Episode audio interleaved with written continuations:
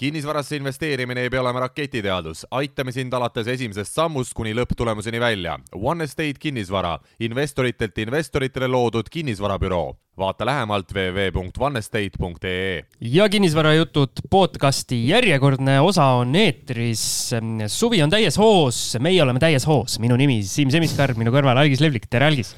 tere, Siim sa ikka oskad üllatada alati, kohe suu läheb kõrvuni, et äh, hea on kuulata on, ma tean, üks inimene ütles mulle veel samamoodi. see oli mu abikaasa. tervitame Kairit. jah, nii, ja me ei ole täna üldse üksi. meil on taas abikaasresident, äh, abisaatejuht äh, Jaago Viitkin. Äh, enam mitte otse USA-st, vaid puhas Eesti mees, tere. tervist ma lihtsalt remargi korras ütlen, et me oleme siin kolmas salvestus järjest, et kui Siim siin hullu paneb, et siis mul on juba kaks, äh, kaks kongstrongi ka hinge all sul on äh, lumijärve vett pead rohkem jooma, see toob sind maa peal tagasi, et äh, mõnusalt tõmbab ka. rahustab. aga selleks on meil, meil podcast'is pausid, et muidu okay. ei tohi ju juua lumijärvet okay.. tohib? võib või? ja niisama võib ka, on lubatud täitsa ah,. seda ma ei teadnud okay., no näed, uus info. nii, ja me mõtlesime, et siin suvi on selline mõnus kerglane aeg, päike paistab, rahvas käib ilma särgita, algis käib äh, lühikeste pükstega ja mõtlesime, et teeme sellise väga tõsise teema, podcast'i.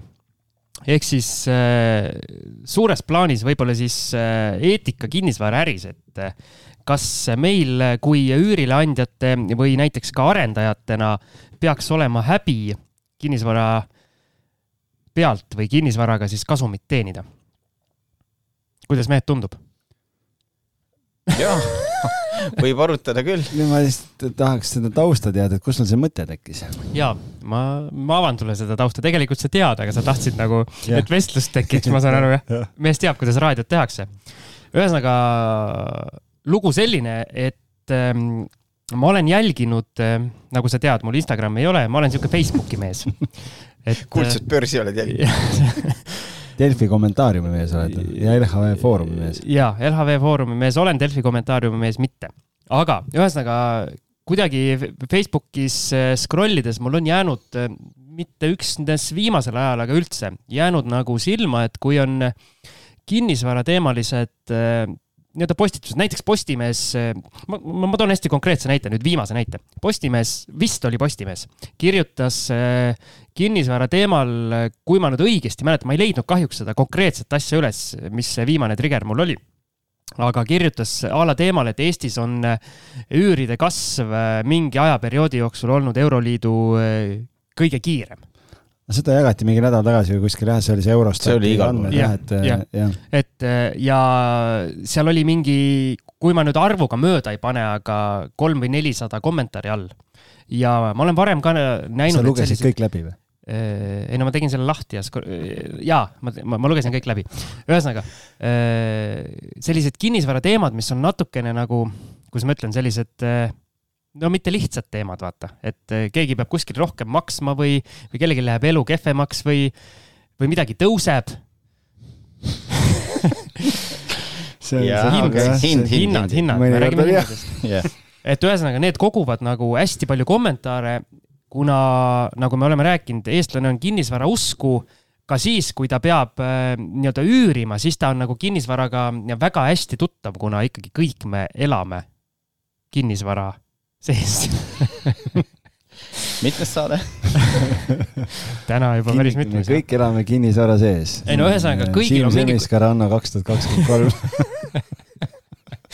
kõigil on mingi kokkupuude kinnisvaraga, ehk siis kas üürilisena või omanikuna. no jaa, sul on kodu või elamist on vaja, et ja. selles mõttes jah. Et kõik nagu tunnevad, et noh, vahepeal, kui oli see Covidi teema, siis kõik olid viroloogid, kuna kõigil kas oli Covid või eh, kõik eh, nii-öelda hoidusid selle eest, siis kõik täpselt teadsid, kuidas mhm. mingi haigus töötab, eks, aga kinnisvaraga ei ole mingi nii-öelda nagu ajaliselt määratud see aeg, mida kinnisvara ekspert ollakse, vaid on kogu aeg. ja, ja seal on üks asi, mida kõik teavad kogu aeg kõik on kallis. kõik liiga kallis on yeah. kogu aeg, üür yeah. on liiga kallis yeah., ostuhinnad on liiga kallid, kõik on liiga kallis yeah. kogu aeg. ära üldista. üks asi, üks asi, miks ma lõpetasin äh, hästi kiirelt äh, näiteks üürileandjana kuulutuste panemise Facebooki äh, nendesse gruppidesse, oli see, et äh, mingid äh, täiesti suvatüübid hakkasid, äh, hakkasid kommenteerima, et kuule, et selle, see hind on küll liiga palju nagu. liigkasu võtja siin. no ja. ma arvan, see juhtuks KV-s ka, kui seal oleks selline võimalus, võimalus. just, jah. absoluutselt jah,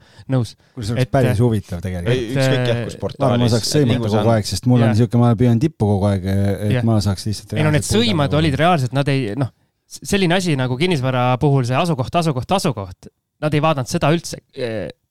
põhimõtteliselt oli level selline, et tol hetkel, kui ma nii-öelda tähelepanelikumalt sellesse teemasse süüvisin, kõik, mis oli alla neljasaja, kõik said selle pöidla nagu, ükskõik mis seisus korter oli.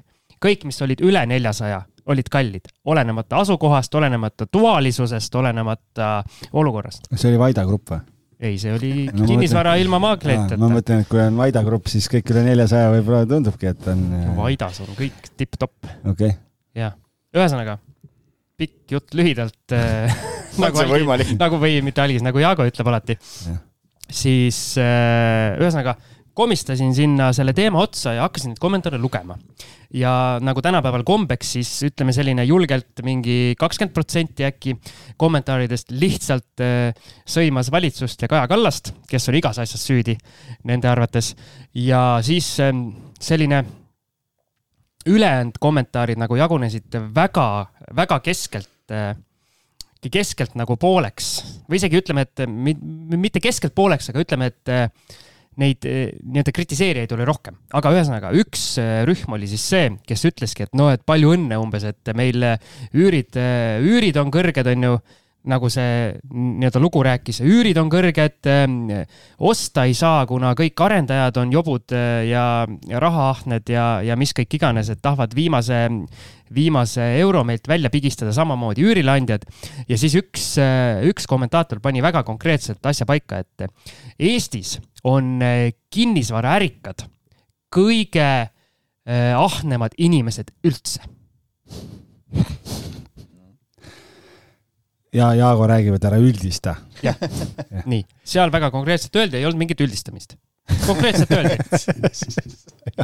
aga, aga siia on hea komment-, siia on hea nagu öelda, et äh, ühte vanasõna või lihtsalt ütlust, et äh, ega hullude ja usklikutega ongi raske vaielda, et äh, kui keegi midagi väga tahab öelda, siis ega, ega ei mõelda nagu loogiliselt või, või, või ei analüüsita ennem kui öeldakse, et see jah, just. ja, ja sealt nagu nii-öelda tuli välja ja mõni nagu ütles otse, otsemini, mõni nagu rohkem läbi lillede, et põhimõtteliselt eluase peaks olema selline inimõigus, et selle peaks saama inimene kätte ilma suurema, suurema pingutuseta, ütleme siis nii, et et ei peaks väga palju raha selle eest välja käima, et see peaks olema nagu selline korralik kommunism seal Lenini unistustes, et kõik elavad ja kõigil on hea olla algis ei oska midagi selle peale öelda. ei, ma selles mõttes, ma lihtsalt mõtlen, et, äh, et jah, ongi keeruline ongi midagi öelda selle peale, sellepärast et äh, et natukene jääb arusaamatuks, äh, et kust see, kust see mentaliteet ikkagi nagu tuleb või noh, et nagu see on selline noh, sa ütlesid, et Kaja Kallas on halb ja kõik on halb ja nii edasi, et noh, et kuidagi nagu mina ikkagi arvan nagu seda, et iga mees on oma saatuse sepp ja kui sa nagu ise hakkama ei saa, siis mulle meenub üks ja oma üks... õnnevalaja ka. ja, ja, ja, ja, et üks äh, seminar, seminar, kus umbes kümme aastat tagasi sai käidud ja siis seal üks äh, välismaa ettevõtja ütles lavalt, et äh, mitte, et sinu naisel ei ole seda kallist kasukat, vaid sul ei ole raha.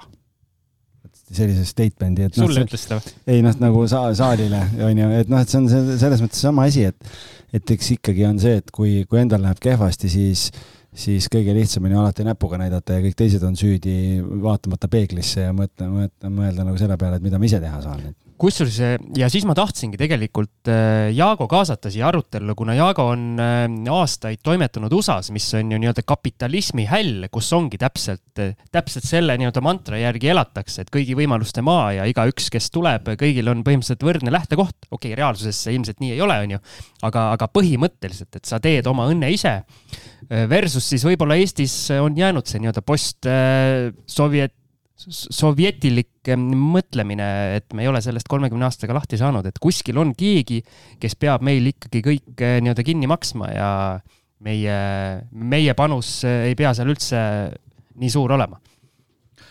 Eh, ootad nüüd minu kommentaari selle peale? ei oota, et see oli nagu selline pikk ja, ja lohisev sissejuhatus ja siis ma nii-öelda mõtlesin, et mul on nagu selline kümmekond küsimust, vähemalt esialgu võib-olla tuleb neid juurde. siis ma mõtlesin, paneme sellise jutu, juturingi käima, et äh, vaatame siis, kas äh, kinnisvaraärikad, nagu öeldi, on Eestis kõige ahnemad inimesed ja kas on üldse õigust, äh, eetilist õigust ja moraalset õigust mingitki kasumit loota ettevõtjana, kui sa oled ikkagi oma aja sisse pannud ja kõvasti riske võtnud või sa pead kõik tasuta käest ära andma ja ise puu alla minema. ja siis me saame täna teada ka seda, et kas see Eesti kinnisvara äh, ahne inimene nii-öelda on teist nägu kui see Ameerika oma, kes meil siin vastas istub. aga tegelikult ma küsin, Jaago, enne kui ma nagu nende nüüd kümne küsimuse juurde lähen, kui sa USA-s elasid, kas, kas seal on ka mingi mentaliteet mingi seltskonna inimese, inimeste peas, et neile peaks justkui see nii-öelda eluase nagu tasuta kätte tulema või väga väikese rahaga kätte tulema? Äh, ma arvan, kindlasti on, aga, aga ennem kui me hakkame neid küsimusi siin arutama, ma tahaks öelda ühe niisuguse stamplause või, või mis tegelikult see igal pool kehtib, et mitte mida, midagi mitte millegi eest ei ole olemas ja, ja seda teadsid juba, juba vanad eestlased, kui äh, lauseti see vanasõna, et tasuta lõunaid pole olemas. Et äh, kui see on nagu verstapostiks võetud, siis võib hakata arutama ja, ja ja sinu vast-, küsim-, vastus sinu küsimusele siis oleks, et äh, jah, kindlasti on, et seal on ju need social security programmid ja, ja kes teab USA-st rohkem, Section eight on äh, selline programm, kus sul, kus sinu üürist siis makstakse pool kinni või makstakse sada protsenti kinni ja, ja on terve hord investoreid, kes ainult Section eight'iga tegelevadki. ehk et äh, seal, äh, seal grupis või see, nende klientide hulgas on kindlasti noh, väga suur protsent nendest selliseid inimesi, kes mõtleb, et äh, tema kodu peabki olema tasuta. Ja, ja kõik, kes Eestis siin samamoodi mõtlevad, siis ju tegelikult seda, seda teemat võib arutada, aga, aga mitte midagi mitte millegi eest pole olemas, et siis keegi peab selle kuskilt kinni maksma, et siis äh, tõstame neid makse ka, et kaks protsenti käibekas tõuseb, et, äh, et arvutame välja, palju see inimõigus, et kõigil äh, tore renoveeritud korter seal, kus ta tahab, maksab ja, ja, ja teeme siis järgmise maksutõusu ära aga kuidas USA-s seal selle nii-öelda kapitalismiga on, et siin nii-öelda Euroopas kohati on see nagu sõimusõna olnud mingitel perioodidel, aga USA-s ikkagi need, kes teevad, neile nagu viltu ei vaadata? Jah, kindlasti on see mentaliteet seal nagu parem, et, et nagu sa ütlesid, et seal kapitalism on hästi vana ja, ja ja inimesed saavad sellest rohkem aru, aga, aga ega tegelikult on ju ka Ameerikas getode hulk väga suur ja, ja, ja ka vaeste hulk on väga suur, kodutute hulk on äh, Äh, üle keskmise suur, ma arvan, kui, kui vaadata mingeid statistilisi numbreid. et seal on, need kontrastid on äh, ikkagi suured, et, äh, et on väga vaeseid ja on siis väga rikkaid, aga see mentaliteet üldiselt võib-olla on jah, selline kapitalist, kapitalistlik siis, just selle ajaloo pärast aga hakkame siis otsast minema, ma siin vaatan, et me esimese küsimuse tegelikult jooksvalt juba vastasime ära, et miks esmapilgul nii igav ja tavapärane teema kui eh, kinnisvara sellist furoori tekitab, et eh, põhjus ilmselt ongi selles, et eh, iga inimene sisuliselt on mingi kinnisvara kogemusega, kas siis seal sees elades või mõni on ka mõne tehingu teinud. muud vist ei ole seal, eks? hetkel, hetkel jah, see on nagu ei oska ühtegi muud asja nagu välja tuua, et. no minu, minul on ka, ma tegin märkmeid su küsimuste peale, et ja, ja ainuke üks märge, märge ongi, et äh, kõik on sellega seotud, et äh, täpselt see, mida sa ise ütlesid ja ja noh, kui teiselt poolt võrrelda, siis aktsiatega, igalühel ei ole aktsiat, aga igalühel on kuskil koobas, kus ta tõmbab õhtul teki peale ja, ja magab. ja igalühel ei ole näiteks autod, väga paljudel on, aga igalühel ei ole siis jällegi kõik, kes sõidavad ühistranspordiga õhtuks, nad kuhugi ikkagi magama lähevad, et äh, arvatavasti sellepärast on, on need kolmsada, nelisada kommentaari seal, kui, kui räägitakse kinnisvarast. no ja tegelikult eks see jõuab sinna finants, nii-öelda baasfinantsasjade juurde ka ikkagi, et, et kui, elu läheb kogu aeg kallimaks, ega inimene ennast ise ei arenda ja tiksub kakskümmend, kolmkümmend aastat ühe töökoha peal, sul on palk on enam-vähem sarnane või noh, nagu aeg-ajalt pakutakse mingit palgatõusu. et sa tahad jõuda sinna, et eluasemekulud on inimesel ka reeglina kõige suuremad kulud? kõige suuremad kulud ja tal on kogu aeg see tunne võib-olla, et, et ta elabki palgapäevast palgapäevani ja, ja, ja elu läheb kogu aeg kallimaks, sellepärast et, et hinnad kogu aeg tõusevad, kõik tõstavad neid hindasid kogu aeg ja tema palk järgi ei jõua ja siis tekibki see viha ja trots, äh, sellepärast et, et sa oledki, tundub võib-olla, et sa oled nagu lõksus ja, ja isegi kui sa tahaksid parema elujärje peale äh, saada, siis sul pole võimalik, sest su rahakott lihtsalt ei võimalda ja siis tekibki see pahameel, et teie pärast ma ei saa. selle, selle palgatõusu jutu peale mulle meeldib, Eestis oli ju hästi-hästi pikk periood, kus meeletult äh, statistiliselt kõik need keskmised ja mediaanpalgad tõusid ja iga sellise uudise all kommentaaris oli mõni inimene, kes ütles, aga ma ei tea ühtegi inimest oma sõpruskonnast, kellel palk oleks tõusnud. Neile ma tahtsin vastu kirjutada, kuule, vali oma sõpru paremini ja, et see ongi, noh, et ütle, kes on su sõbrad ja, ja ma ütlen, kes sa oled sina, noh, klassika on ju, et. et äh, kui statistika näitab, et meil nii-öelda, nii-öelda keskmiselt palk ikkagi väga kõvasti tõuseb, siis äh, kui selline kommentaar tuleb inimeselt, siis A, kas ta valetab või B, ta ongi nagu väga kehvas seltskonnas liigub. ja, ja C on see lihtsalt, et noh, okei okay,, üldse mitte halvustades ühtegi ametit, aga et a la noh, suvaline näide, et kui sa noh, et ma võin valdkonnaga väga kergelt Ära praegu halvusta. mööda panna, aga, aga noh, suvaline näide, et no, kui sa, kui sa oled traktorist näiteks kuskil ja, ja töötad seal, siis erinevates valdkondades, erinevate töökohtade peal see palgakasvu piir ja võimekus ja kõik ongi piiratud, et see ei ole niimoodi, et noh, ma ei tea, IT-sektoris siin ostetakse üle töötajaid ja spetsialiste ja palgad tõusevad ja see kergitabki seda keskmist.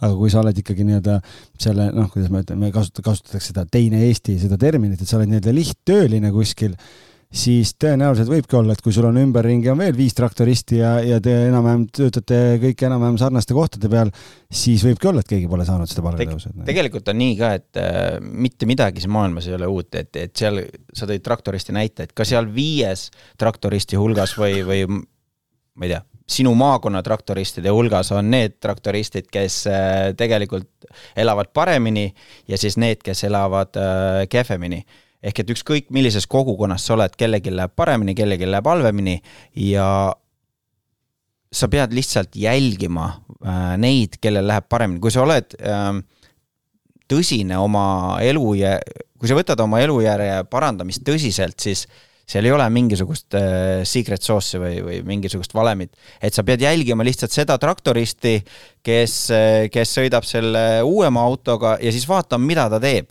ja tihtipeale või noh, ütleme üheksakümmend üheksa protsenti kordadest on seal taga lihtsalt mingisugune suurem töö, ta teeb õhtul pikemaid tunde, äh, suvel puhkust ei võta, mingi, midagi mitte millegi eest ei ole olemas, ehk et ta toob mingisuguse ohvri ja, ja tänu sellele on ta siis mingi lisaväärtus, mida ta pakub võrreldes teistega. Ja tegelikult, kui nüüd mõelda selle nii-öelda noh, äh, heas mõttes või noh, nagu sellise nii-öelda raha, finantside piibli peale Rikas isa, vaene isa, mida väga paljud inimesed on lugenud või kõik on vähemalt kuulnud sellest, siis ega seal ka ju tegelikult, kui sa mõtled selle peale, ta ütleb ka ju seda, et kui jagada maailmas raha võrdselt ära, äh, kõikide inimeste vahel, siis ühel hetkel ta loksub samamoodi paika, nagu ta on täna, sellepärast et ühtedel inimestel on oskus äh, raha kasvama panna ja teistel on oskus kulutada ja päeva lõpuks see puudulik finantskirjaoskus lihtsalt jälle paneb paika ja noh, sealt vist ütles üsna otse, et, et lollidelt tulebki raha ära võtta, on ju, et äh, et nii ta paraku on, et kui, kui ja jõuame ikkagi tagasi jälle sinna, et noh, et küsimus ongi, et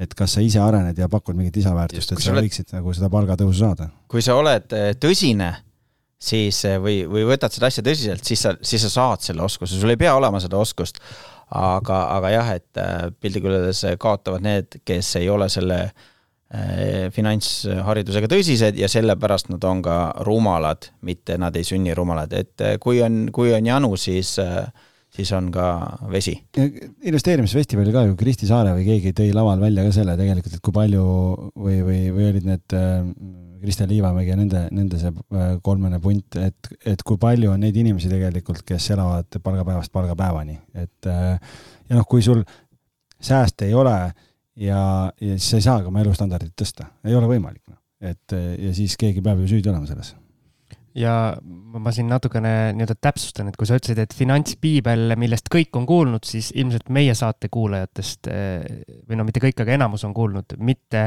mitte kogu Eesti. jah, no ma mõtlen jah, need, kes on natukene rohkem või vähem investeerimisega kokku puutunud, on selle raamatu ühel või teisel moel ilmselt kuulnud sellest midagi. just, aga lähme edasi. kas oma kodu hakkab keskmisele eestlasele järjest enam kättesaamatuks muutuma? numbrid näitavad, et see nii on, aga aga kuna teie mõlemad kinnisvararingkondades liigute, et kas eh, teil on sama tunnetus?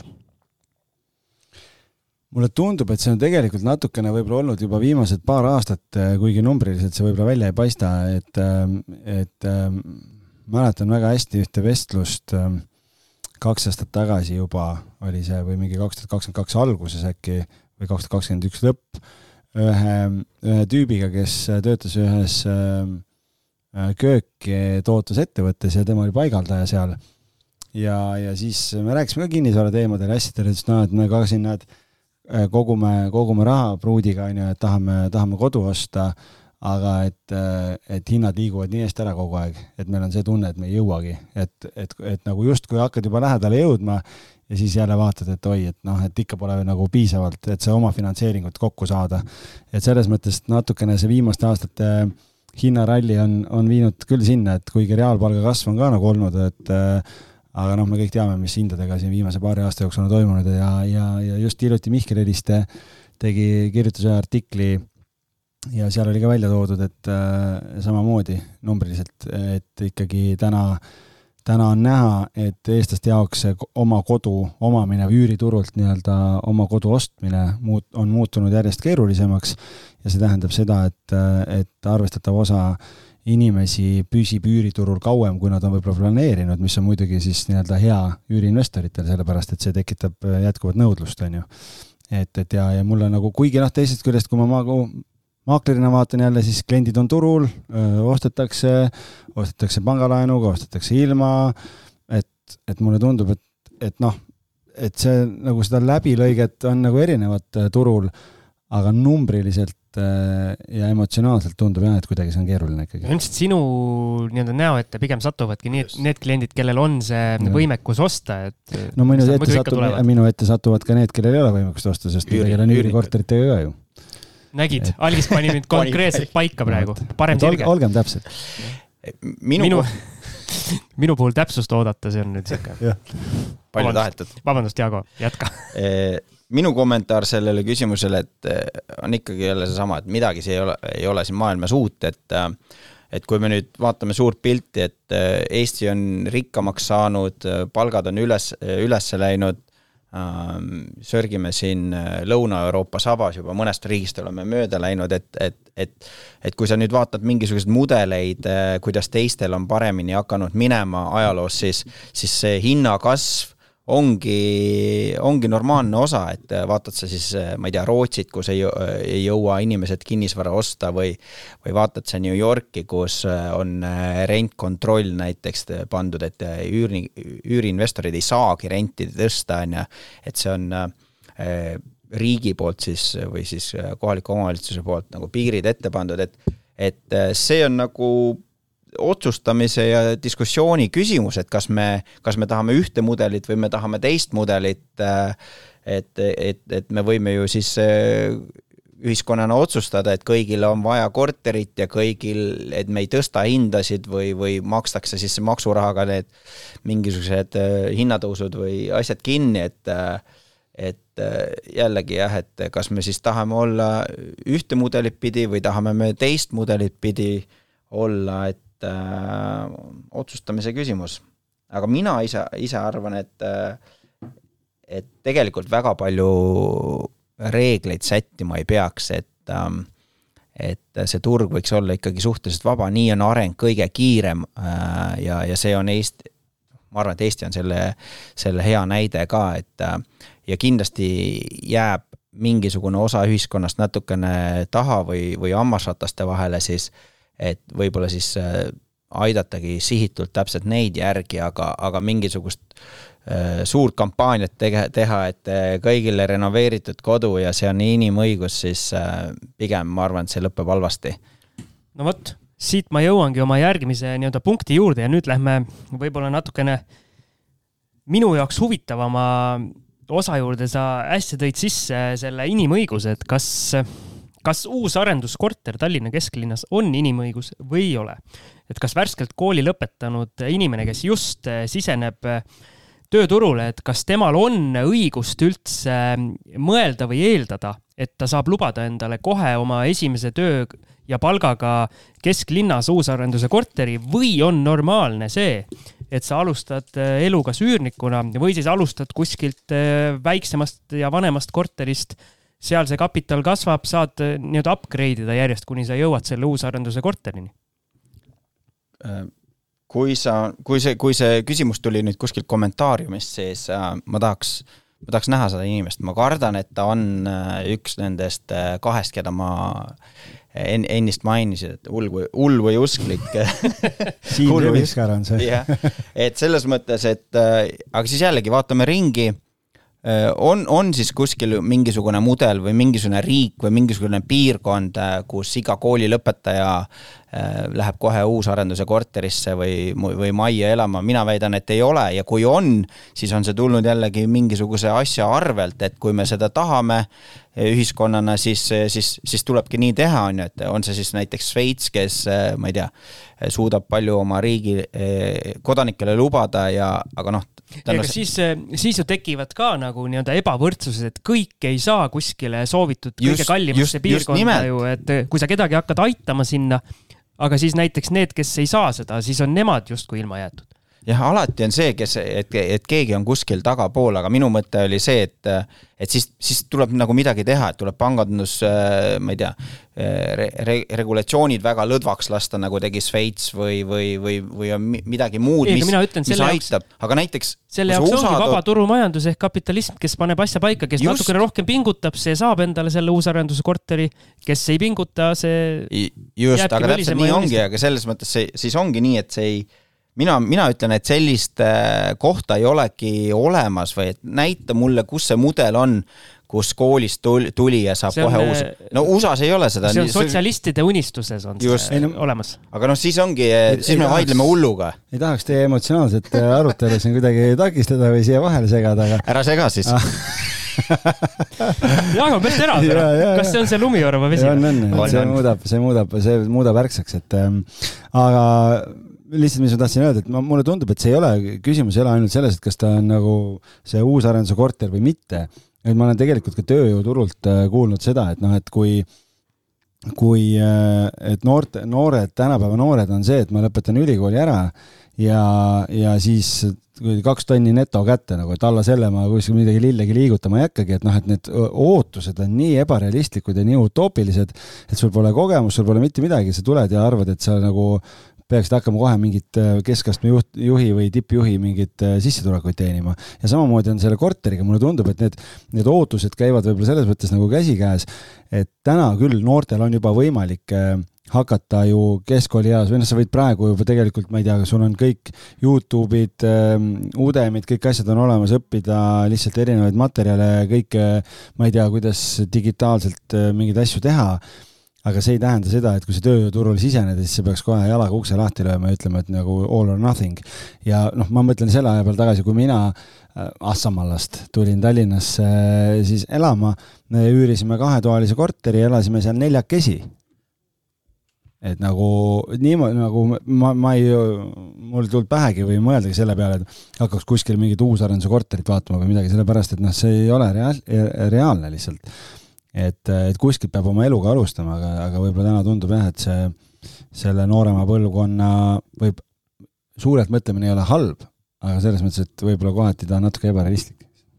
no ma arvan, et elu paneb selle lihtsalt paika, et ja te,, ja teine asi, see, mis sa mainisid, et kui sa oled digiturunduse spets või Youtube ja Instagram on pähe õpitud, selgeks õpitud, siis, siis arvatavasti sa ei Instagram ole. Instagram on pähe õpitud või? jah, meelega ütlesin. mul on, ei ole õpin, õpin aga see, see ongi, see juba näitab, et kui sa oled mingis asjas nii hea, siis äh, arvatavasti see inimene ei kommenteeri, et, et miks ta ei saa kesklinna uusarenduskorteris elada, vaid ta juba elabki seal. aga ta näeb sõpra, kes saab uusarenduses elada.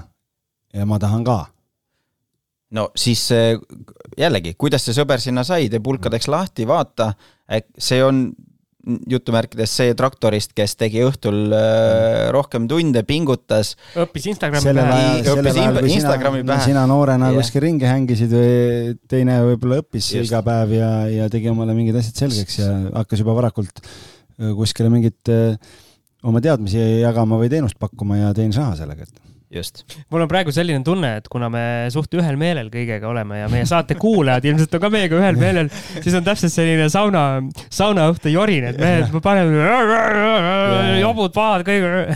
et siis räägime ümber, ümber pudrukausi. ja meil peaks olema keegi nii-öelda oponent ka, kes ikkagi räägib, kuidas nagu asjad tegelikult peaks käima me oleks pidanud no, ühe, ühe oleks... nendest noortest või ühe nendest pessimistidest kellegi jah, oleks pidanud võtma siia. aga äge, las siis keegi pessimist kommenteerib selle saate Just. postituse alla, kuigi ma arvan, et meie grupis ei ole neid võib-olla väga palju, aga, aga kui keegi teab meie grupist kedagi, kes kes on nõus diskuteerima tulema. kes on äh, nõus, kes selliseid kommentaare kirjutab, siis äh,. Vol kaks saade. jah, või, või saate. Saat... kui me Siimuga siin ju kiitsime kinnisvara mingi aeg, siis Mihkel Kukk ju kirjutas ise meile, et kuulge poisid, et võtke need hoogu maha, et teised varaklassid on ka olemas, et ja tuli ja ja pidas, pidas meiega sellist mõnusat äh, diskussiooni, nii et äh, et alati on, on teistsugused arvamused on teretulnud. astuge esile. nii, lähme edasi, nüüd lähme natukene selle põhiteema juurde, kas on okei okay üürileandjana või arendajana proovida oma kasumit maksimeerida või peaksime me hoidma üürihinnad ja müügihinnad võimalikult madalal, et inimestel oleks kergem endale soovitud kohta eluaset osta või üürida?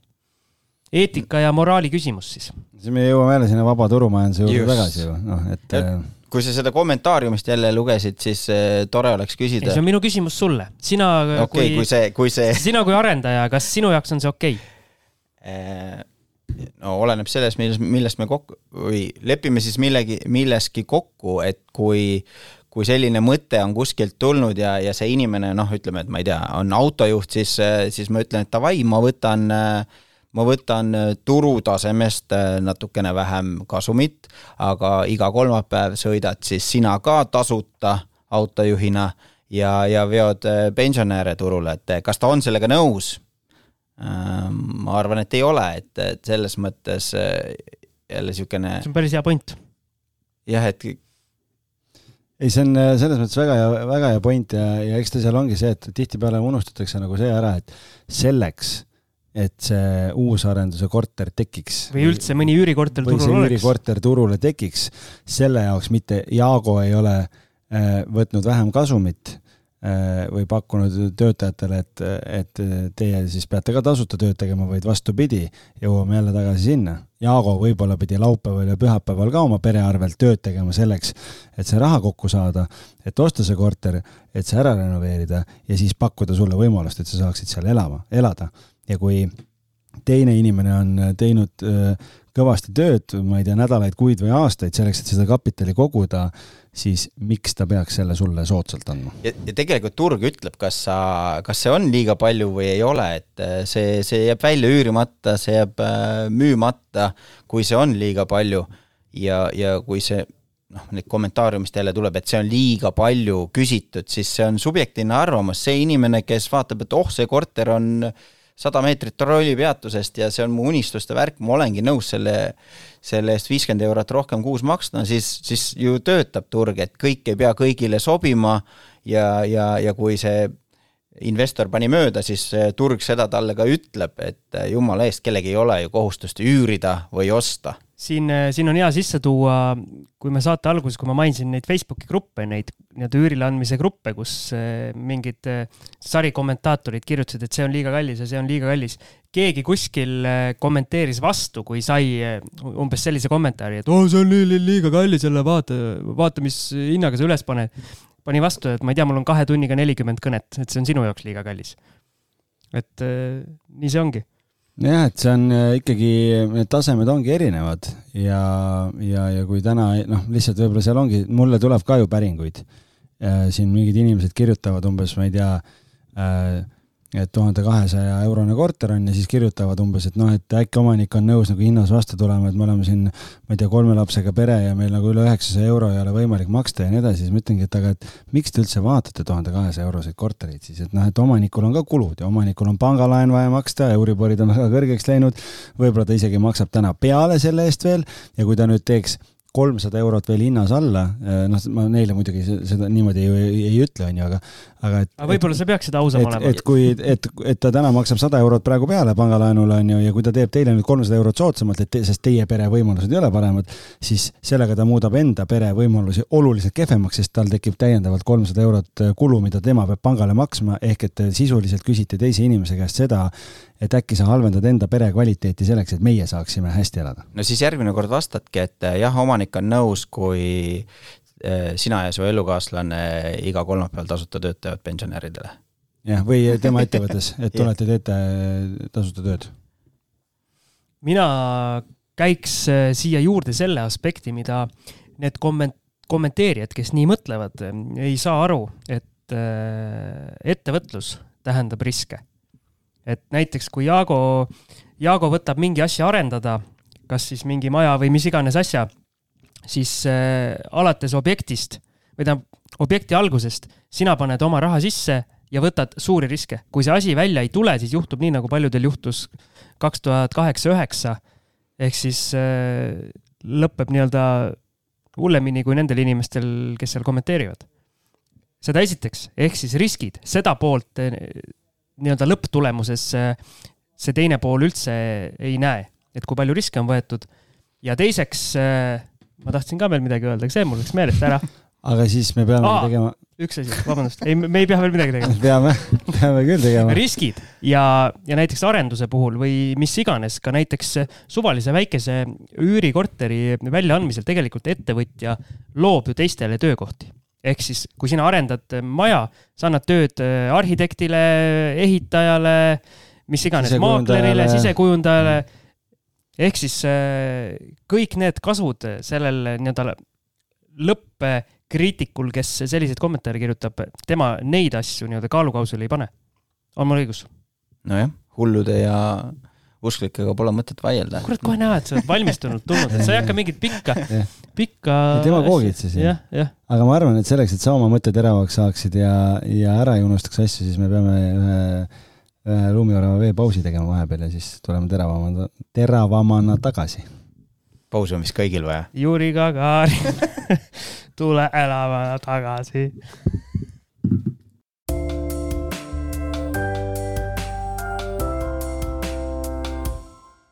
nii, Gagarin tuli kenasti tagasi, minu äh, superlaulu hääl. ma üritasin küll äh, mehi veenda, et äh, lõikame selle välja, Jaago oli minuga nõus, Algis ei ole, nii et ma ei tea. jääb sisse, jääb sisse. meie, me oleme, me oleme autentsed, nii nagu me oleme, et, et ma arvan, et see on väga okei okay.. okei okay,, Algis, aga sellisel juhul ma pommitan sind kohe ühe raske küsimusega. et kui me räägime nüüd eetikast, siis mis on kinnisvaraäris sinu arvates need asjad, mida turul tegutsedes sa näed, aga mida ei tohiks teha või mismoodi need asjad ei tohiks käia? too mõni, mõni näide välja.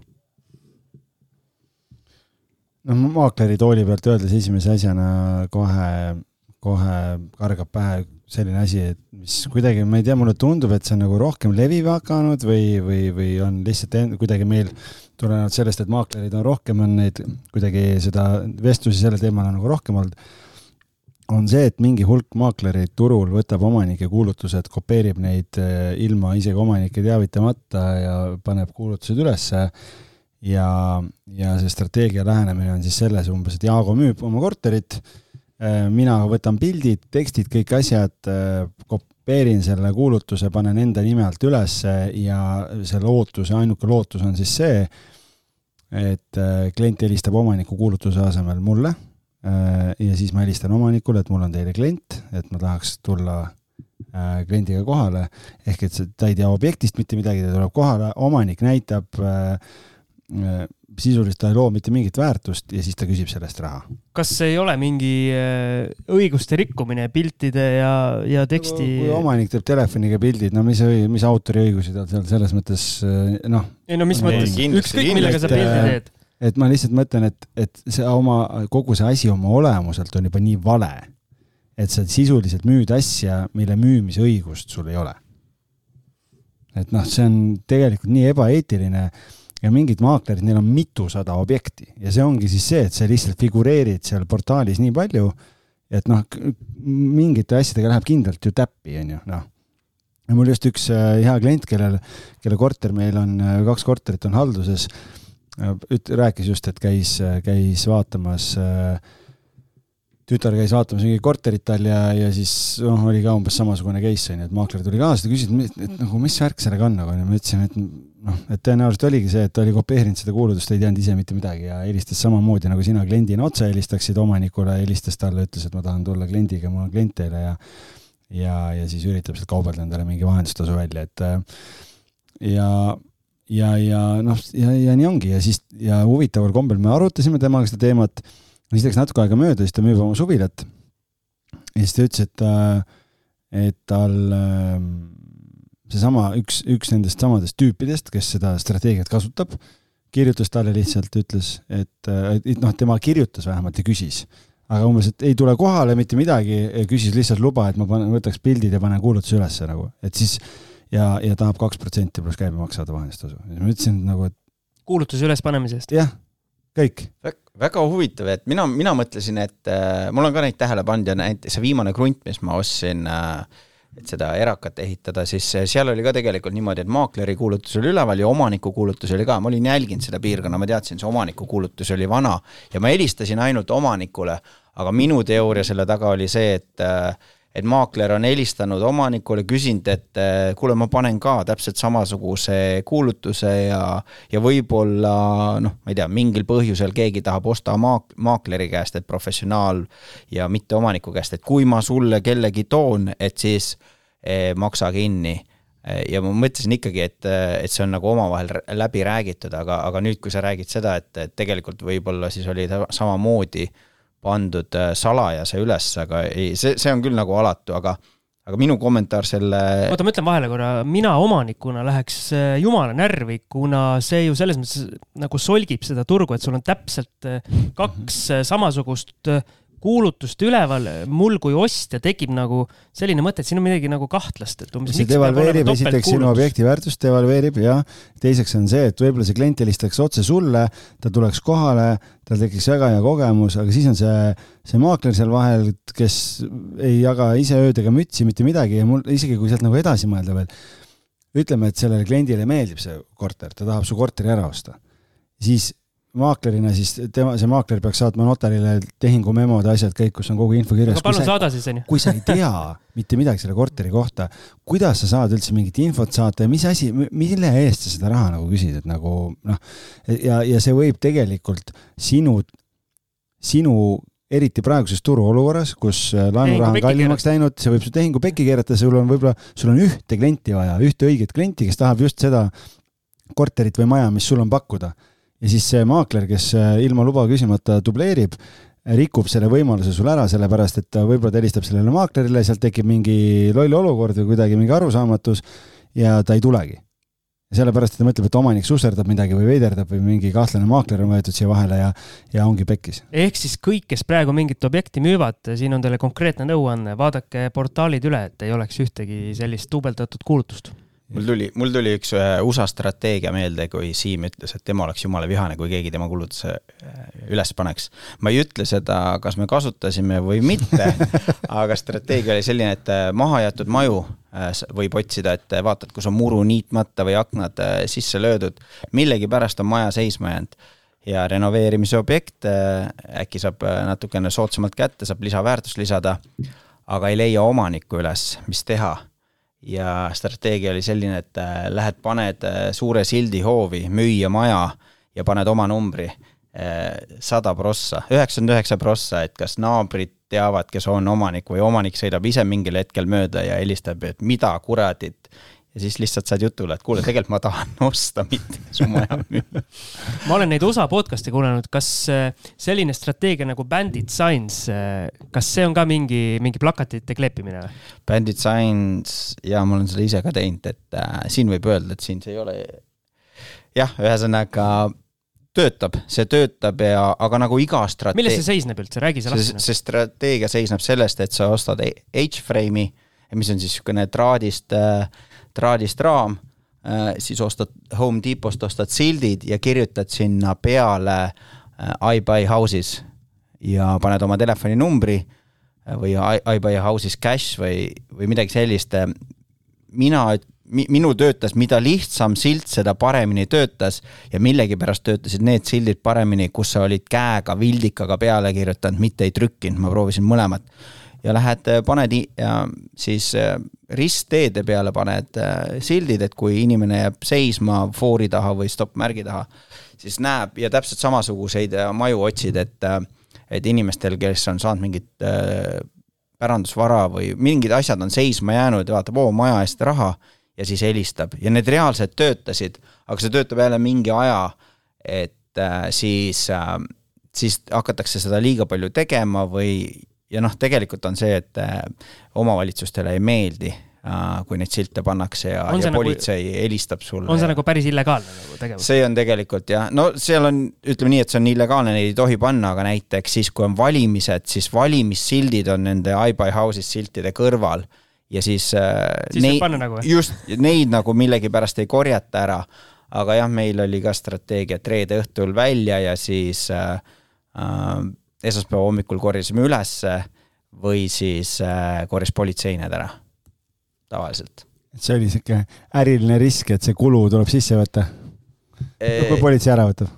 jaa, ei noh, see raam läheb niikuinii raisku, et see, ma ei mäleta, mis sa maksid, üks, üks kaheksakümmend oli vist raam ja, ja kaks eurot oli või kaks dollarit oli silt, aga aga tegelikult oli sul ainult ühte diili vaja ja, ja see tuli ku- kuhjaga tagasi.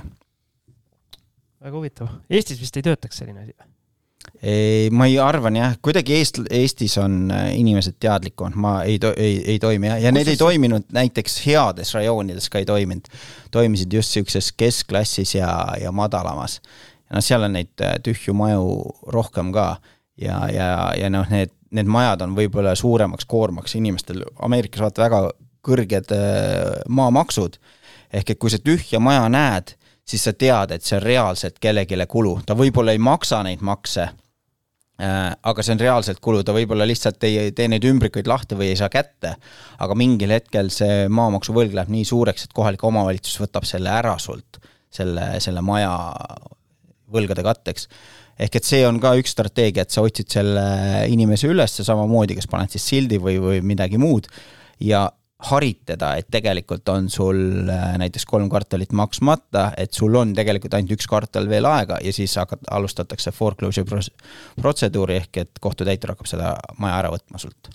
kusjuures Eestis äh, on äh, eriti viimasel ajal kuidagi ja ka valimiste ajal vist kõige populaarsem on see, et võetakse mingi treiler ja ehitatakse sinna, vaata mingi selline kolm, kolmnurkne reklaam ja pannakse kuskile parklasse seisma, teine variant on kuskile auto, mingi vana, vana kaubik ostetakse, kus siis äh, nii-öelda värvitakse see kaubiku, see nii-öelda tagumine Furgoon. osa jah, furgooni osa nagu reklaami täis.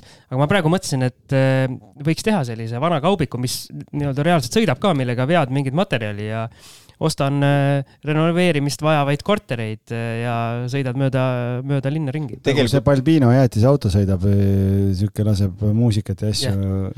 tegelikult USA-s on sellised autod olemas, millel on siis äh, furgoonil kolm ekraani peal ja lastakse erinevaid, erinevaid reklaame telekast ja, ja, ja siis sõidavadki, ma ei tea, võib-olla Eestis ka kuskil sõidavad, ütleme, et niisugustes jalutamisrajoonides, et äh, a la Pärnu selle rannajoone juures või rannarajoonis sõidad ringi ja siis äh, reklaamid oma, oma, oma toodet või oma söögikohta või mida iganes äkki algis, vaata, kus me jõudsime minu e- ebaeetiliste asjade vastuse Jah. juurest, jõudsime reklaam Min- jah. äh, truckideni Ameerikas kuidagi. läks väga lappama jah, minu, minu kommentaar selle kohta siis algusesse tagasi tulles on see, et lausvaletamine on, on kole. et kui sa ütled, et su maja on kivi, kivist ja tegelikult on puidust või, või et kui sa ütlesid ja, ja vannitoas on hüdroisolatsioon ja tegelikult ei ole, et siis sellist asja mulle tegelikult väga meeldib, et on see pei-, peidetud puuduste seadus Eestis, noh, kui hästi või halvasti ta töötab, aga pigem meeldib, et ta on. Et aga, aga sellist marketingu marketingu valetamist, ma ei tahagi seda valetamist valetamiseks, sinna ma ei läheks, et, et a la, et et kui sa ütled, et sul on päikesepoolne terrass ja tegelikult see terrass on siis süda suvel päikesepoolne ja kui on kevadine või sügisene päike, siis tegelikult päike väga sinna ei paista, et kas sa nüüd valetasid või ei valetanud, see on selline marketingu teema, aga niisugune lausvaletamine, et äh, pahatahtlik, ütleme siis niimoodi, et teed kivist, aga ütled, et puust või, või vastupidi, see, see on inetu. Algis, aga too veel, veel seda maakleri vaadet, et mis sinu arvates äh, on maakleri puhul näiteks, mis eetilised ja moraalsed sellised aspektid on, millest ei tohiks üle astuda?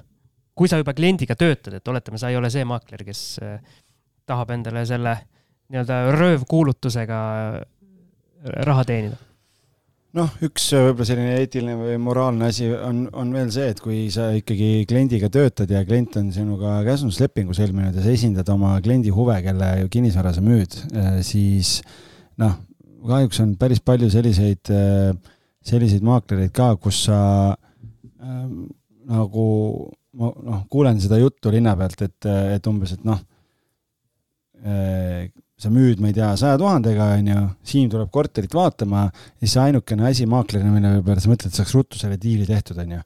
ütled, et ei noh, et, et tehke oma pakkumine, et ma usun, et noh, et ma üheksakümmend tuhat suudan, suudan nagu omanikule nagu ära rääkida, on ju, siis tekib küsimus, et noh, et et äh, aga mis sa töllerdad seal siis nagu, et kui sa ei suuda nagu, kui te olete strateegia paika pannud äh, omanikuga ja, ja, ja kui sa ei suuda omaniku huvides seista, et müüa nii kalli hinnaga kui võimalik ja ainukene mõte on see, et saaks ruttu, ruttu, ruttu, ruttu, ruttu nagu ära teha, et siis see on jälle see koht, mis nagu kuidagi eetiliselt või moraalselt nagu, see ei ole õige, et äh, et, et ja igasugune valeinfo andmine või, või nagu puudulik ettevalmistus, et kus sa äh, nagu Jaago ütles, valetad või, või varjad midagi selleks, et see tehing saaks tehtud. Eh, et noh, see, seda ei tohiks ka olla. ma ei tea, võib-olla, võib-olla liiga üldised need vastused, aga noh, konkreetselt mingeid näiteid nagu tooma hakata, siis see läheb nii pikaks siin, et, et ma arvan, et ei ole mõtet. ühesõnaga, sa pead olema selle kliendi rahakoti eest väljas, mitte enda rahakoti eest väljas. noh, selles mõttes jaa, et ja see ja jälle jõuame tagasi, needsamad maaklerid, kes eh, kopeerivad kuulutusi ja ja siis neil puudub elementaarne oskus või, või teadmised, oskus oma teenust müüa või nad ise ei usu oma teenuse headusesse, vajadusse või väärtusesse, sellepärast et kui sa ei suuda ise, kui sa ei suuda kliendile helistada ja talle ära põhjendada või ta eh,, miks ta peaks sinu teenust kasutama, noh, siis ei ole tegelikult, sa ei peaks seda tööd tegema, sellepärast et, et see ei ole nagu maaklerteenuse sisu ei, ei seisne kuulutuse ülespanemises Te. tegelikult me jõuame ikkagi jälle sinna sellise käitumise juurde, et, et see algab kõik kodust peale ja, ja ka, kas sa teed siis neid valesid otsuseid või õigeid otsuseid, oled sa arendaja või oled sa maakler, et et kui sa tahad olla eetiline ja, ja pigem avatud ja aus, siis, siis, siis nii oledki ja kui sa tahad olla teistpidi, siis nii oledki, et üht, ühtegi, need, needsamad probleemid, mis sa siin välja tõid, äh, noh, Ameerikas, äh, kui seda jälle võrdluseks tuua, on kõik litsenseeritud, kõik maaklerid on litsenseeritud ja see, neid, neid asju, neid samu probleeme on proovitud äh, siis reeglitega, reeglitega reguleerida ja on olemas institutsioonid, kuhu sa saad kaevata ja trahvid ja, ja võetakse litsents ära ja värk, aga ikka need, need asjad, needsamad probleemid, mis sa just rääkisid, need tegelikult ikka toimivad. helistatakse, kuigi on selge reegel, et kui maakler müüb kellegi objekti, siis ei helistata omanikule ja ei öelda, et see maakler on väga kehv, las ma, et vaheta maaklerit. aga need asjad ikka juhtuvad ja see on juba selles mõttes, et su kodune kasvatus, et kui sa, kui sa tahad öö, olla ebaviisakas ja niisugune hallis alas tegutseda, siis, siis sa leiad selle võimaluse, sa teed seda ikkagi ja kui sa tahad olla õige mees, siis äh, sa teed õigeid asju.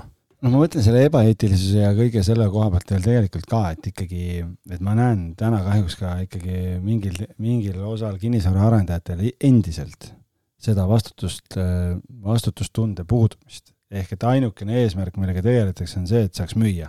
saaks ära müüa, saaks mahtu teha, kõik asjad ja siis pärast tegeleme mingite jamadega, kui tuleb. et noh, siin konkreetselt ühe arendaja näitel lihtsalt äh, puudub reaalselt või puudus, nüüd on midagi on tekkinud, aga see ei toimi, garantiitööde osakond. aga kui sa müüd sadu kortereid aastas ja sul garantiitööde osakond puudub ja sul on suva äh, sellest, mis pärast saab või, või kas need saavad tähtajaliselt tehtud või, või kuidas sa veeretad kuidagi korteriomanike kaela näiteks selle, et, et noh, et siin on alltöövõtjate nimekiri umbes ja noh, et leppige ise kokku, millal nad saavad tulla, siis sorry, aga see ei ole korteriomanikuna minu mure, vaid see on, ma ei hakka sinu projekti juhtimise tööd ära tegema, et nagu noh, et, et seda, seda nagu ükskõiksust ja seda ebaeetilisust nagu vohab tegelikult nagu igal sammul äh, liiga palju Te. sellest on kahju. tegelikult äh, turg ja, ja piirkond ise reguleerib ka seda, et see täpselt seesama asi äh,, mida sa ütlesid, et äh, noh, isegi tood USA näite küll, suur ja riik ja, ja keegi kedagi ei tea, tegelikult teab, kinnisvara on lokaalne asi, ehk et kui sa võtadki ühe suure osariigi, siis tegelikult ühes osariigi osas tegutsevad, noh, on arendajad ikka täpselt needsamad, maaklerid on ikka täpselt needsamad. Ja kui sul see remondiosakond puudub või garantiide osa, tööosakond puudub, siis varem või hiljem see jutt läheb laiali, et sa oled selline ükskõik mida sa siis teed. ja, ja see hakkab su mainele pihta käima. Ja siis ongi jälle see, et kas sa oledki selline äh, noh, ma ei tea, paha käitumisega paha poiss või oled sa korralik, et see, see maine käib sinuga kaasas ja, ja, ja kurb, äh, aga, aga mille, noh, ka need halva mainega inimesed leiavad mingitel hetkedel tööd ja aga, aga see, see on nagu taak sinuga kaasas. Ja need inimesed, kes siis kinnisvaras on, nad teavad, et äh, noh, sinu näite puhul see arendaja, tal ei ole seda osakonda ja sa, ja sa ütled seda ka oma klientidele, sest sinu töö on seista nende heaolu eest. Ja noh, kui sul see korter meeldib, siis lihtsalt tea, et äh, garantiidega võib probleeme sa võtad ostjana selle riski, aga et sind on teavitatud sellest.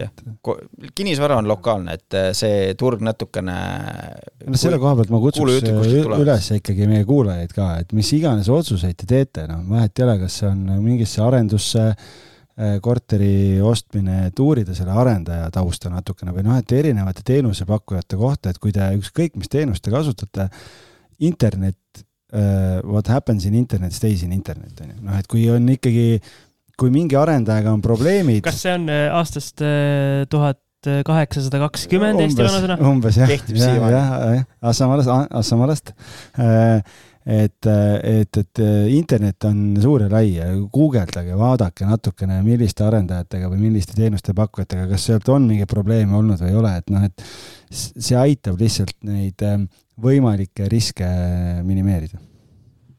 kas äh,, jah ei, ma ütlesin, et aga nüüd läheme jälle nagu võib-olla natukene liiga laiali, laiali. kas meil äh, või mul, äh, Siimul Vaidast üürileandjana on mingid eetilised ja moraalsed aspektid, mida ma peaks igal juhul või mille vastu ei tohiks igal juhul eksida. loomulikult on. et see on, käitumine peab olema viisakas kõigi osapoolte pealt. reede õhtul vanni ei lähe, kui üürnik korteris elab, omavoliliselt sisse ei astu korterisse no sa täpselt samamoodi saad sina valetada ju. kas et... neljapäeval võib täpselt sama, samamoodi saad sina valetada, ma ei tea, koduloomade kohta või ekstra inimeste kohta, kes seal, kes seal elab või oma sissetulekut, mida iganes, et. üürileandja vaatest. no aga üürileandja vaatest samamoodi, see, kui sa ütled üürnikule okay,, et kõik on, kõik on äh, väga heas seisukorras, kõik toimib, kõik asjad. üürnik kolib sisse, et tegelikult on, ma ei tea ma ei tea, vesi kas, on roostene. kas naaber suitsetab rõdul või ei suitseta, sa tead seda äh, tegelikult? naabrimees, äh, naabrimees räuskab terve nädalavahetuse, paneb mingi reiv käib kogu aeg, et ütled, et maja on nii rahulik ja vaikne, tegelikult mingi pidu ja pillerkaar kogu aeg, onju. et, et, et noh, kõik see samamoodi, nii nagu müügi puhul, kui sa üürnikule valetad selleks, et näidata enda vara nagu paremana, kui ta on ja ta kolib sisse ja tegelikult see ei vasta sellele lepingule, milles te olete kokku leppinud, siis see on ebaeetiline aga sama asi juhtub, et eh, kui sa ühe korra, kaks korda, kolm korda seda teed, siis see grupp, kus sa kuulutad, seal hakkavad eh, sinu, sinu kuulutuse alla hakkavad tulema need, eh, need kommentaarid, et ma elasin seal, ta, see ei ole nii ja, ja, ja täpselt juhtubki täp-, seesama asi, et see kinnisvara on lokaalne, et sa pead, kui sa valetad seal oma piirkonnas, siis sooner or later sulle, sulle jääb see külge. Kui palju teie olete kokku puutunud selliste inimestega, kes oletame, algis sinu puhul on tulnud siis äh, neid kortereid vaatama, mida sa kas üürid või äh, müüd või, või Jaago sinu puhul ka, et äh, tulnud kortereid või objekte vaatama, mida sa müüd või üürid, et tulnud kohe kohale ja teinud väga kõvahäälselt selgeks, et see on ikkagi täitsa naeruväärne hind, millega te müüte, et mul meenub kaks, kaks olukorda. üks oli üürikorteriga seotud, kus mul Das House'i majas äh, tuli, tuli portfelli üks äh, ühetoaline korter, noh, mingi kolmkümmend kolm ruutu, on ju. ja väga ilus, väga hea korter ja ma panin ta mingi kuue sotiga vist panin ülesse ja ja siis ma mõtlesin, et oo, et see on nagu ideaalne korter mingitele ekspertidele, noh, mingitele IT-spetsialistidele, asjadele, on ju, ja ja panin eksperti gruppi selle kuulutuse ülesse siis mingi vend lendas mulle Messengeris peale ja ütles, et sinusuguste jobude pärast, noh inglise keeles, et, et see on kuritegelik, mida sa teed, et, et teie, olete, teie oletegi see põhjus, miks, miks hinnad turul nii kõrgeks lähevad ja ebanormaalselt, ebainimlikult kõrgeks ja kõik asjad ja värgid ja ma raporteerisin sind grupi adminile ja ja ma ei tea, lihtsalt tõmbas mulle täristas siin ära ja siis blokkis, blokkis mu ära ja, ja nagu noh, ma ei saanud talle vastu kirjutada ega midagi, et, et oli sihuke otsene nagu mollipanek verbaalselt äh, Messengeris, mitte nagu avalikult.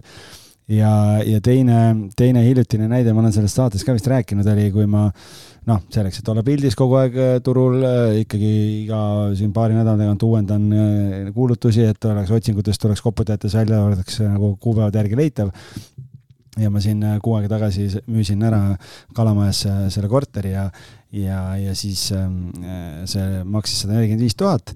Ja siis mingi tüüp äh, tegi mulle päringu ja ütles, et, et kaheksakümmend tuhat, et ma üle selle nagu ei maksa, et ja siis ma kirjutasin talle kohe vastu ja ütlesin, et, et omanik tegi vastupakkumise, et kakssada tuhat on ju, et kas soovite tehingusse minna. Siis ta ütles, et noh, et ma e-, selle vastuse kiirusest äh, tulenevalt ma eeldan, et, et see info omanikuna ei läinud, on ju, siis ma ütlesin, et et, äh, et omanik on hea tuttav, et tegelikult sellel korral läks küll, aga tavaliselt ma omanike aega nagu sellise pakkumisega ei raiskagi, et omanik selle peale vastaski, et noh, et sellisele pakkumisele, et talle ma müün kahe sotiga ainult, et ma ta nagu ühegi muu hinnaga pole nõus, on ju ja siis, ja siis ta ütles, et okei okay,, noh, et aga noh, et, et ma ikkagi arvan, et see on nagu õiglane hind sellise asja eest. Ja siis ma ütlesin, et noh, et ma soovin teile edu, et ma loodan, et te leiate oma, oma pakkumisele nagu vastava, oma eelarvele vastava korteri ja siis ta kirjutas mulle vastu, et noh, et tegelikult on üsna raske endale sobivat kodu leida, sellepärast et te spämmite kogu aeg, et kogu aeg uuendate oma kuulutust ja siis see tuleb mul kogu aeg siia ette ja ja ma tegelikult nagu õiged kuulutused jäävad nagu märkamata.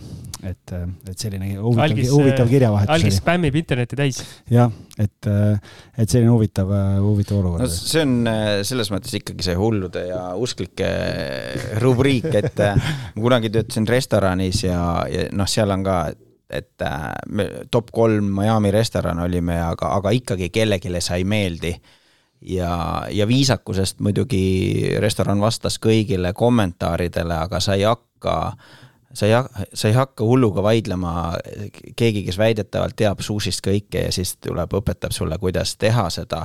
või noh, sinu näite puhul, et eh, kuidas siis korterit hinnastada või kuidas siis maakler peaks tegema marketingu oma kuulutustega portaalides, noh. et see on niisugune lõputu vaidlus, et eh, viisakalt üks vastus ja tšau pakaa, keegi ei pea ostma ju. ja ma lõpuks veel viimasena vastasingi talle, ma ütlesin aitäh teile tagasiside eest ja kõike head aga sul, Jaago, keegi ei ole siis äh, no, õiendama tulnud kohe otse? selles mõttes, kui sa juba. aus ja hea inimene, et. Äh, ei, noh, kui sa tahad seda USA, USA äh, pilti siia kõrvale, siis seal on tegelikult natukene raskem see, esiteks ma ei, ma ei usu, et keegi viitsib üleüldse vaatama tulla, sõita, book ida aja, et sulle kohe öelda, et, et see on vale hind või liiga odav, liiga kallis. mis su reiting Yelbis on? jah, et aga USA-s on äh, võib-olla siis see eripära, et peab väga, väga ettevaatlik olema, mida sa ütled, et ma olen tegelikult äh, ju Ameerikas maakler ka, et äh, kõik need koolitused läbinud ja endal maakleri maakleri tiim ka, et mul praegust meenub, mis ei juhtunud küll minu tiimis, tiimis, aga meenub selline lugu, et et see esimene kontor, kus ma siis töötasin, et kõigil maakleritel on seal kindlustus, et ükskõik mis X põhjusel sind kohtusse kaevatakse, siis tegelikult kaevatakse seda kontorit kohtusse. ja seal üks maakler käis näitamas korterit ja, ja vaatas, New Jersey osariigis oli see, vaatas, et äh, inimene on mustalt, äh, must, noh, must, must äh, ülikond on seljas ja ütles talle, et siin kõrval on kohe juutide kool ka ehk et äh, juudid äh, seal Union City linnas käivadki noh, mus-, mu-, kannavad musta, nii nagu nende, tulenevalt nende, nende usust, aga ta eeldas, et äh, see inimene tahab oma lapsed panna juutide kooli ja ütles seda välja, et ta, ta tahtis nagu head, aga selle eest põhi, põhimõtteliselt kaevati see firma kohtusse, et, et see on rassistlik käitumine, et kus sa eeldasid, et ma, et ma tahan sinna juutide kooli minna, ehk et seal võib-olla. kohtusüsteem on selles mõttes, see on nagu noh, see on, see on, see on ikka ulme noh. noh, mõnes, mõnes kohas hea ja mõnes kohas nagu keeratakse üle vindi, aga aga põhimõtteliselt jah, ma arvan, et USA näite puhul äh, vähemalt teadjad inimesed väga oma keelt ei, ei peksa ja eks see ole tegelikult ju Eestis ka läinud äh, populaarsemaks, et see üksteise solvamine või liiga otse ütlemine, et siis. sellepärast algis neid arendajaid ka siin meil kõva häälega välja ei ütle. Mees teab, õpib mor. moraalne kompass peab paigas olema moraalne kompass, äh, et mitte nii-öelda kohtu no, ei, kulli ette minna või? ei noh, selles mõttes, et et äh, ma arvan, et äh, see ei ole selline asi, et avalikult siin kedagi kuskil liistule tõmmata, see ei ole nagu eesmärk, et, äh, et, et lihtsalt on kogemused ja, ja mina ise tean, aga sellepärast ma ütlengi, et noh, et tasub, tasub internetis guugeldada ja sealt tuleb ka igasugust tegelikult peab, tegelikult peab alati suuremat pilti ka vaatama, et see, et, et meile mingisugune strateegia tundub, et on, on, ei tööta või on rumal strateegia, siis jumal hoidku, et äh, see on üks strateegia ja, ja kui see selle inimese või firma jaoks töötab, siis tegelikult see, mida me siin välja ütleme, on ainult meie arvamus. et ega õiget ja valet ei ole, et kui saab, kui saab kinnisvaraarendust arendada või noh, kinnisvaraarendust teha pikalt niimoodi, et sul garantiiosakonda ei ole, siis ma ei tea, andke tuld. mina, mina ei teeks. aga noh nüüd lähme viimaste küsimustega, mul hästi lühikesed viimased küsimused veel, et äh, sellise me,. mees slikerdas niimoodi ära, et alguses tegi pika sissejuhatuse ja nüüd ise ainult. Te äh, räägite nii tarka juttu, mul ei ole midagi lihtsalt lisada, reaalselt, päriselt. ma lihtsalt kuulan ja, ja noogutan kaasa, inimesed ei näe lihtsalt seda. teeb märkmeid. jah mida selliste inimestega teha, kes eeldavad, et kinnisvaraäris on ebaeetiline kasumit teenida ning äh, kõik, kes seda teevad, on juba automaatselt pätid ja kaabakad. kas nende inimestega annab üldse midagi teha ja, ja Jago ei tohi öelda seda kolmapäeva asja usklikud ja, ja juudi kool või mis see oli hullud ja usklikud. hullud ja usklikud. kohtusse muidu siin no siis järelikult ma võin seda öelda, et äh, sellele samale tegelasele tuleks siis öelda, et kui kolmapäeviti oma tööd tasuta teed, et siis, äh, siis ma võtan ka nõksu alla, aga tavaliselt äh, ikkagi on turumajandus ja ja turg ütleb, mis on õige või vale. ehk siis pöörata see inimese, inimese enda vastu, et küsida, kellena sa töötad, ma ei tea, poemüüjana, siis ütled järgmine kolmapäev või tähendab iga nädala, iga kolmapäev oled tasuta book'is. tegelikult on nii ka, et ei, ei tasu, võib-olla sellest lausest jääb natukene niisugune ülbitsev toon, aga tegelikult ei tasu ülbitseda, sest et noh, sellest samast restoraniärist või siis maaklerite ärist, et inimesed mõnikord tõesti küsivadki ja nad ei, ei oska, ei ole analüüsinud enda jaoks seda suurt pilti, et kui sa seletad selle ära, miks see nii on, äh, noh, see ongi täpselt see üks vastus, mida sa nendele kommentaaridele annad, sa seletad ära, miks see nii on. Ja kui ta sellest aru ei saa või oma jonni nagu edasi ajab, siis, siis ta ei, ei tahagi sellest aru saada. Ja jumal hoidku, vabas maailmas võibki olla erinev arvamus, et aga, aga noh, külmalt ülbitseda ei tasu, et et seletad ära, miks sa seda kasumit küsid, et see on ma ei tea, selle, selle protsessi normaalne osa ja Palk siis tood. sinu töö eest. just, et see, tood sellesama näite, et kas sa kolmapäeviti oled siis nõus äh, tasuta tööd tegema, ta arvatavasti ütleb, et ei ole. ja, ja saab ka paremini aru, miks, äh, miks sina kasumit küsid. mul on hoopis teine arvamus. ei usu tuleb otse ja pikalt saad, ei, et tuleb lihtsalt tähelepanuta jätta ja oma energiat mitte panna sinna, et. mis sa siis paugutad nendele kaheksakümne tonnistele kahesaja tonniga? vaata, kui mulle tuleb päring, siis ma pean vastama kliendile midagi ja, ja, ja lihtsalt see see oli läbi ajaloo kõige kõige jaburam pakkumine, mis oli ja ma jäin selle kõige juures väga viisakaks ja ma ei läinud kuidagi ülbeks või emotsionaalseks, enda meelest ainult mitte. sa ikkagi pakkusid talle müüa seda. aga no ma pakkusin, ta sai kahe sotiga, oleks saanud osta seda.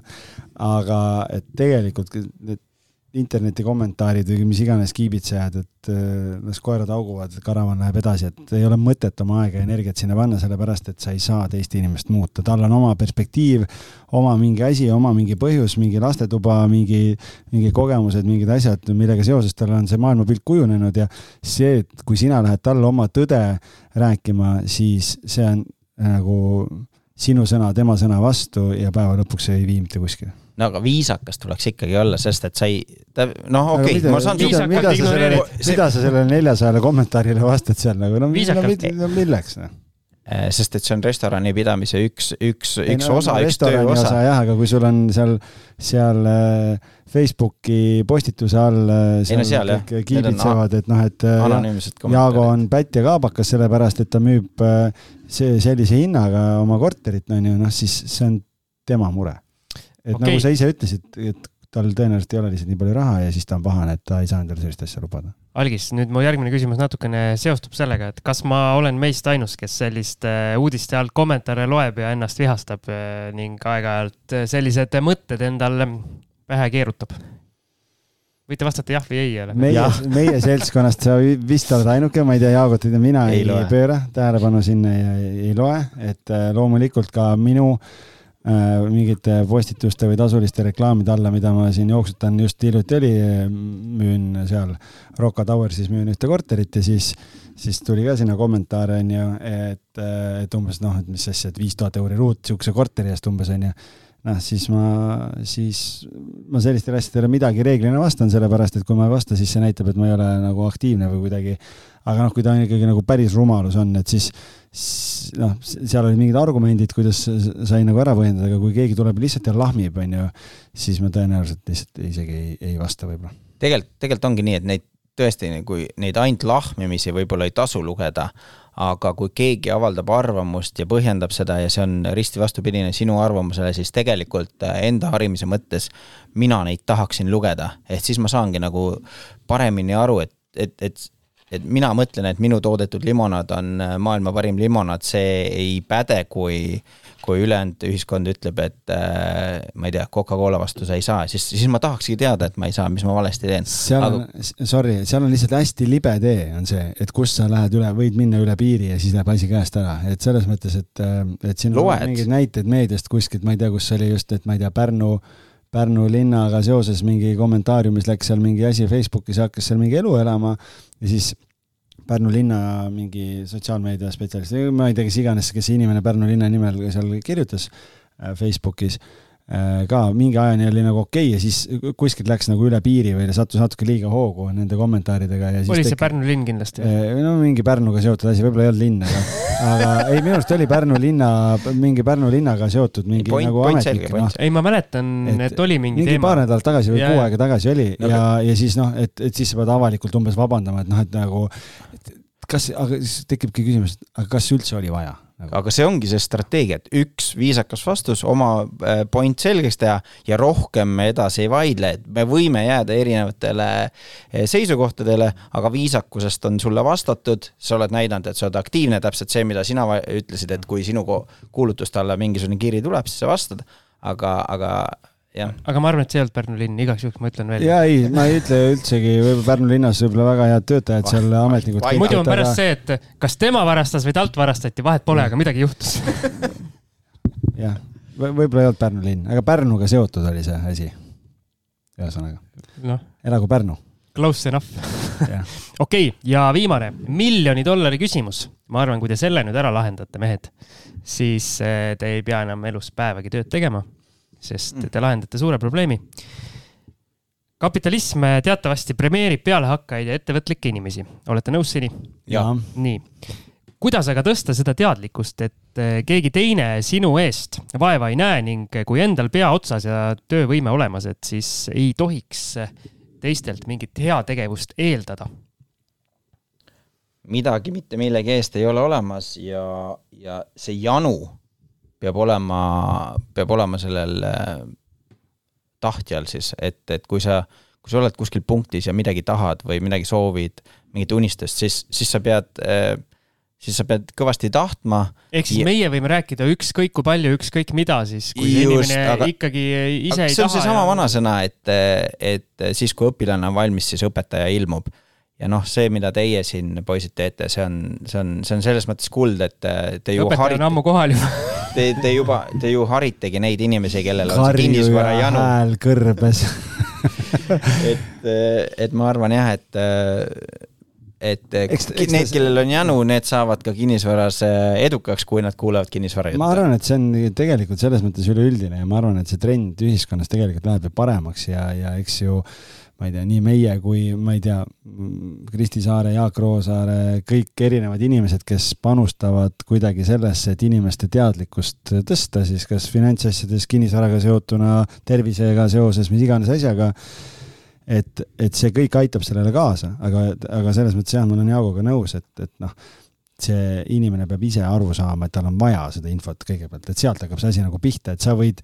sa võid, nagu Jaago ütles, et sa võid minna või noh, siin usunäited ja asjad on, onju. sa võid käia ja seda usku siin levitada, aga inimene ise peab, teda, temal peab see klikk ära käima, et see on midagi tema jaoks ja, ja et ta, et see pakub talle midagi või et ta saab sealt midagi ja sinnamaani, kuni tal seda teadmist ei ole on see, et sa lihtsalt käid ja pressid talle mingit asja peale või, või pakud talle midagi, mis tal absoluutselt nagu vaja ei ole. Mul on huvitav olnud seda saadet, saadet teha ja teid kuulata, kuna ma, ma vist olen siin saates rääkinud varasemalt ka mingites episoodides, et eh, ma tegelikult ju umbes kümmekond aastat tagasi olin, olin pigem, kui me nimetame seda rindejooneks, kus me täna nii-öelda, mida me arutasime, siis seal teisel pool. Ehk siis pigem, pigem olin sellel arvamusel, et kui on eh, keegi kuskil mingi rikas, siis, siis kindlasti on mingi, mingi pettusega oma raha saanud ja kindlasti on suller, et eh, noh, nii-öelda tööga ju rikkaks ei saa, vaata nagu öeldakse, või palgatööga rikkaks ei saa. et ma olin pigem seal teisel pool, ehk siis saan aru küll, mis need inimesed mõtlevad. et sa olid kunagi ise see, kes seal neid kommentaare kirjutamas käis? siis ei olnud veel internetti, siis mul oli nupuga kirjutas vihikusse. pidas päevikut kodus. mul need kaustikud on kuskil alles veel. ei, aga väga äge ju, siis see tähendab seda, et äh, kõigil on võimalus. kui Just, Siim on jah. suutnud selle switch'i ära teha, siis mul on hea uudis teile, ka teie saate sellega hakkama. kuulake, harige ja, ja kasvage nagu Siim. jah, ja nautige suve veel, nii palju kui seda on. just ja kuulake kinnisvarajuttude podcast'e, meil on äh, sel hetkel, kui te praegu seda kuulate, meil on kaks head saadet tulemas, kolm. kaks. Kõik saated on head, kõik külalised on aga, ägedad. aga lihtsalt need kaks, me juba teame, et Jaa. nad on tulemas. ja, edasi me veel ei tea. ja nii et püsige lainel. püsige lainel ja kui te lähete ujuma, siis võtke see roosa kummipart, pange ümber piha, siis on turvalisem. tšau. tšau. head aega.